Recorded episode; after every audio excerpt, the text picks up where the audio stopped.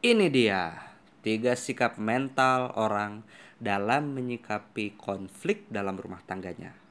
Anda masuk yang mana, sahabatku?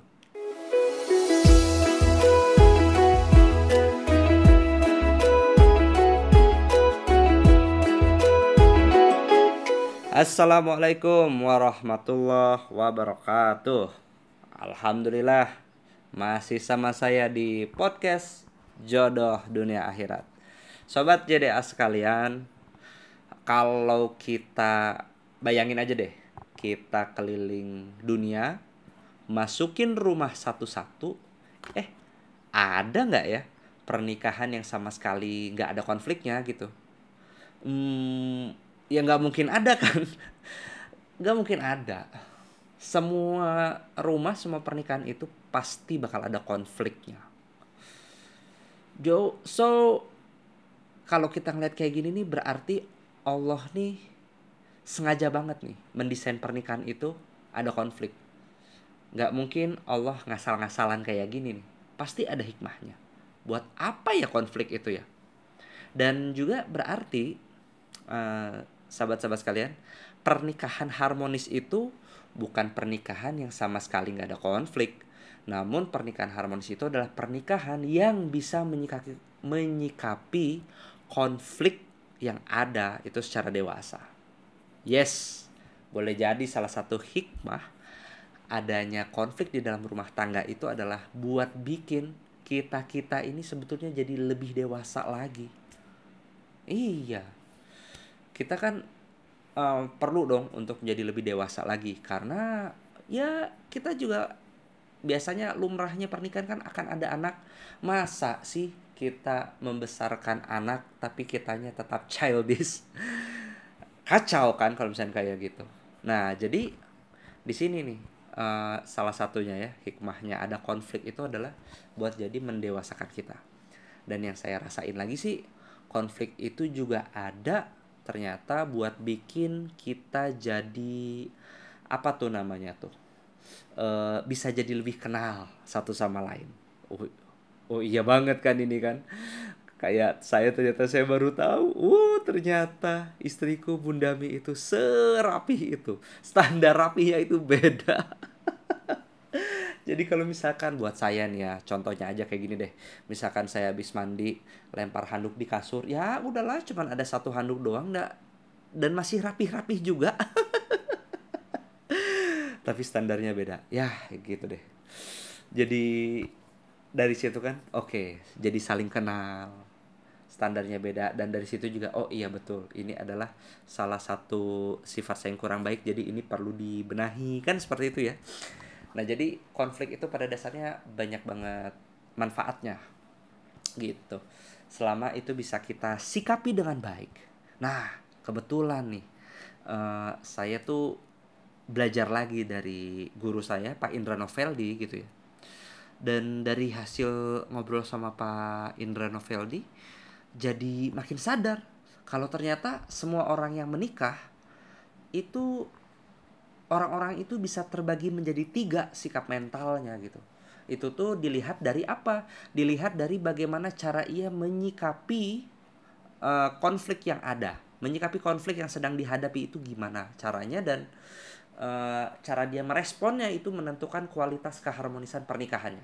Nah, jadi apa aja sih tiga hal ini? Yuk kita cek satu-satu. Yang pertama, quitter. Quitter itu dari kata quit. Jadi yang tipe ini kalau misalkan ada masalah pengennya langsung lari aja, pengen langsung lari dari masalah. Pengennya dianggap nggak ada tuh masalah gitu pokoknya tidak mau dihadapi kenyataan yang ada gitu. Yang kadang-kadang tipe-tipe yang quitter ini juga berupaya membohongi diri dengan berpikir positif yang berlebihan. Landasannya tuh nggak jelas misalnya kayak gitu. Ya ter, jadi jatuh ke dalam apa ya? Kalau kata Kang Zen sih guru saya bilangnya toxic positivity. Nah bilangnya tuh itu gitu toxic positivity dan ini adalah tipe quitter. Quit pokoknya tidak mau dianggap ada. Tidak mau di tidak mau tahu lah sama konflik itu. Sehingga jadinya ya ini nyimpan bom waktu sih sebenarnya. Karena konflik yang didiemin itu sama aja kayak neken per. Per ya pegas. Per kalau ditekan gimana sih? Tekan tekan tekan lama-lama tuh loncatnya bisa tinggi banget loh itu. Tuh nah itu. Bisa kayak gitu. So be careful with quitter kita lanjut ke nomor dua. Nomor dua adalah camper. Camper itu dari kata camp kemah. Nah tipe camper ini adalah tipe yang lebih milih diem dan dia nunggu di dalam tendanya. Tanda kutip tendanya itu adalah ya zona nyamannya lah. Biasanya tipe camper ini itu tuh tipe yang dia berharap yang perlu untuk memulai duluan menyelesaikan konflik itu tuh bukan saya tapi pasangan. Iya, ini nuntut gitu, nuntut pasangan mulai duluan. Inisiatifnya jadinya kurang. Nah, masalahnya untuk tipe camper ini bisa nggak sih kita itu ngontrol respon pasangan kita?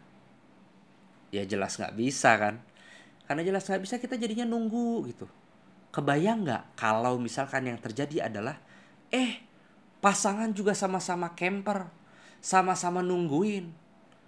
Jadi waktu lagi sama-sama nungguin itu wah kalau lagi ada konflik di pendem dan itu prasangka itu lama-lama bisa jadi tumbuh sedemikian subur bisa jadi sedemikian mengerikan. Dan ini bahaya juga loh. Gitu. Makanya kalau bisa jangan sampai di camper tapi kita fokus eh, tingkatin inisiatif kita gitu dan apa sih tipe ketiga tipe ketiga itu yang tadi yang inisiatifnya muncul yaitu yang namanya adalah climber jadi teman-teman sekalian boleh dibayangin seperti ini naik gunung Wah, pendaki gunung, climbing, daki gunung. Wah, daki gunung itu nggak gampang. Yang namanya ngedaki itu licin tuh. Kadang-kadang licin, kadang-kadang dia, bisa jatuh. Tapi sekalipun jatuh-jatuh, climber itu dia tetap manjat, tetap memperjuangkan untuk senantiasa ke puncak. Meskipun berkeringat-keringat. Nah, ini. Gitu. Nah, kadang-kadang nih buat kita nentuin kita tuh tipe mana sih quitter, camper, climber gitu ya. Kadang-kadang kita tuh punya bias dalam melihat diri sendiri. Maksudnya bias seperti apa? Bias melihat bahwa kita sudah melakukan yang terbaik. Sedangkan pasangan leyeh-leyeh. Tapi tidak ada perubahan. Ini bias banget. Bener nggak sih kita tuh sudah melakukan yang terbaik? Atau jangan-jangan itu hanya asumsi kita aja? Padahal kalau dalam sesi konsultasi sih banyak banget saya sering nemuin. Orang yang ngaku-ngaku ya ngaku-ngaku sudah melakukan yang terbaik tapi ketika ditanya di list apa aja yang terbaik itu ya ternyata nggak banyak juga. Sekitar dua atau tiga hal yang dilakukan aja berulang-ulang selama bertahun-tahun. Kebayang nggak? Dua atau tiga hal yang dilakukan berulang-ulang selama bertahun-tahun dua atau tiga hal yang sudah terbukti tidak efektif untuk mengubah keadaan tapi diulang terus-terusan selama bertahun-tahun dan karena dilakukan berulang bertahun-tahun seolah-olah seperti kayak lari treadmill ngerasa udah capeknya. Jadi dia ngerasa kayak saya sudah melakukan yang terbaik tuh. Tapi dia ya nah ini ngeri teman-teman sekalian. Kalau karena kalaupun yang namanya climber ya fokusnya itu adalah inisiatif sama dirinya sendiri. Oke? Climber itu fokusnya inisiatif sama dirinya sendiri. Dan climber itu uh, inisiatif. Climber itu ya dia sifatnya nggak ngandelin pasangan. Karena dia sadar bahwa respon pasangan itu nggak bisa kita kontrol. Yang bisa kita kontrol itu adalah respon diri sendiri kan. Nah jadi yang dilakuin itu adalah fokus sama di, ngelakuin dari diri sendiri. Dan justru melihat pasangan itu sebagai ladang pahalanya. So tentu aja kalau kita bicara tiga sikap mental terbaik dalam menyikapi konflik rumah tangga pasti dong. Yang paling baik itu adalah climber. Meskipun climber ya jangan sampai terlalu forsir terus-terusan juga ya. Ada masanya capek istirahat dulu. Dan tentu yang namanya istirahat kan ada batas waktu kan. Jadi bukan berarti istirahat satu tahun. No no nggak kayak gitu. Tapi paling istirahat dulu tentukan waktu istirahatnya berapa setelah stamina nya udah ada lagi jalan lagi. Dan ini boleh percaya boleh enggak sih? Tapi saya sama Pak Indra tuh ngerasain gimana sih salah satu cara uh, ngelatih mental climber kalau kami memilih menggunakan olahraga lari. Yes teman-teman sekalian lari. Nggak salah dengar lari. I'm not a runner I'm not a professional runner. I'm only a professional who running gitu. Saya bukan uh, pelari profesional tapi saya hanya profesional yang berlari jadi uh, sama awal-awal juga dulu malas ah ngapain sih? gitu. Uh, lari pertama kali juga satu kilo juga udah ngos-ngosan gitu.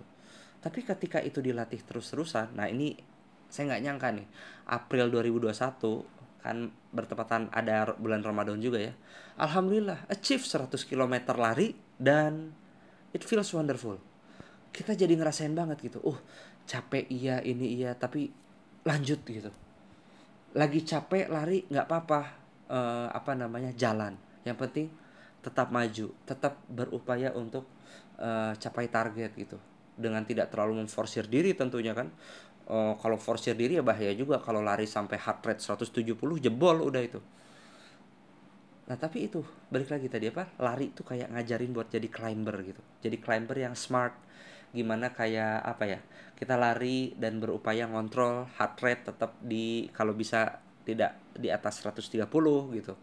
Tapi juga ketika capek ya nggak apa-apa istirahat sejenak dan lanjut sampai garis finish. Wah itu tuh rasanya wonderful banget dan jadi itu sih memberikan kesan kalau ya itu yang kalau kita mau bangun mental climber itu salah satunya bisa dengan lari karena kebanyakan awal-awal mau lari itu uh guys malesnya tuh luar biasa. Mending tidur daripada lari. Tapi ketika mendobrak hal itu gitu ya dan diupayakan dioptimalkan lari gitu masya allah alhamdulillah. Uh, ada rasa mental climbers itu jadi terbentuk. Jadinya kalaupun misalkan ada konflik ya disikapi dewasa dan yang paling penting adalah konflik itu jadi sarana untuk ladang pahala siapa nih yang inisiatif duluan berarti ladang pahalanya pahalanya itu yang lebih besar dapatnya karena sejatinya suami istri itu bukan saling menuntut dalam kebaikan kan tapi yang betul itu suami istri itu saling berlomba-lomba melakukan kebaikan. Betul? Yuk, semangat jadi climber ya. Wassalamualaikum warahmatullahi wabarakatuh.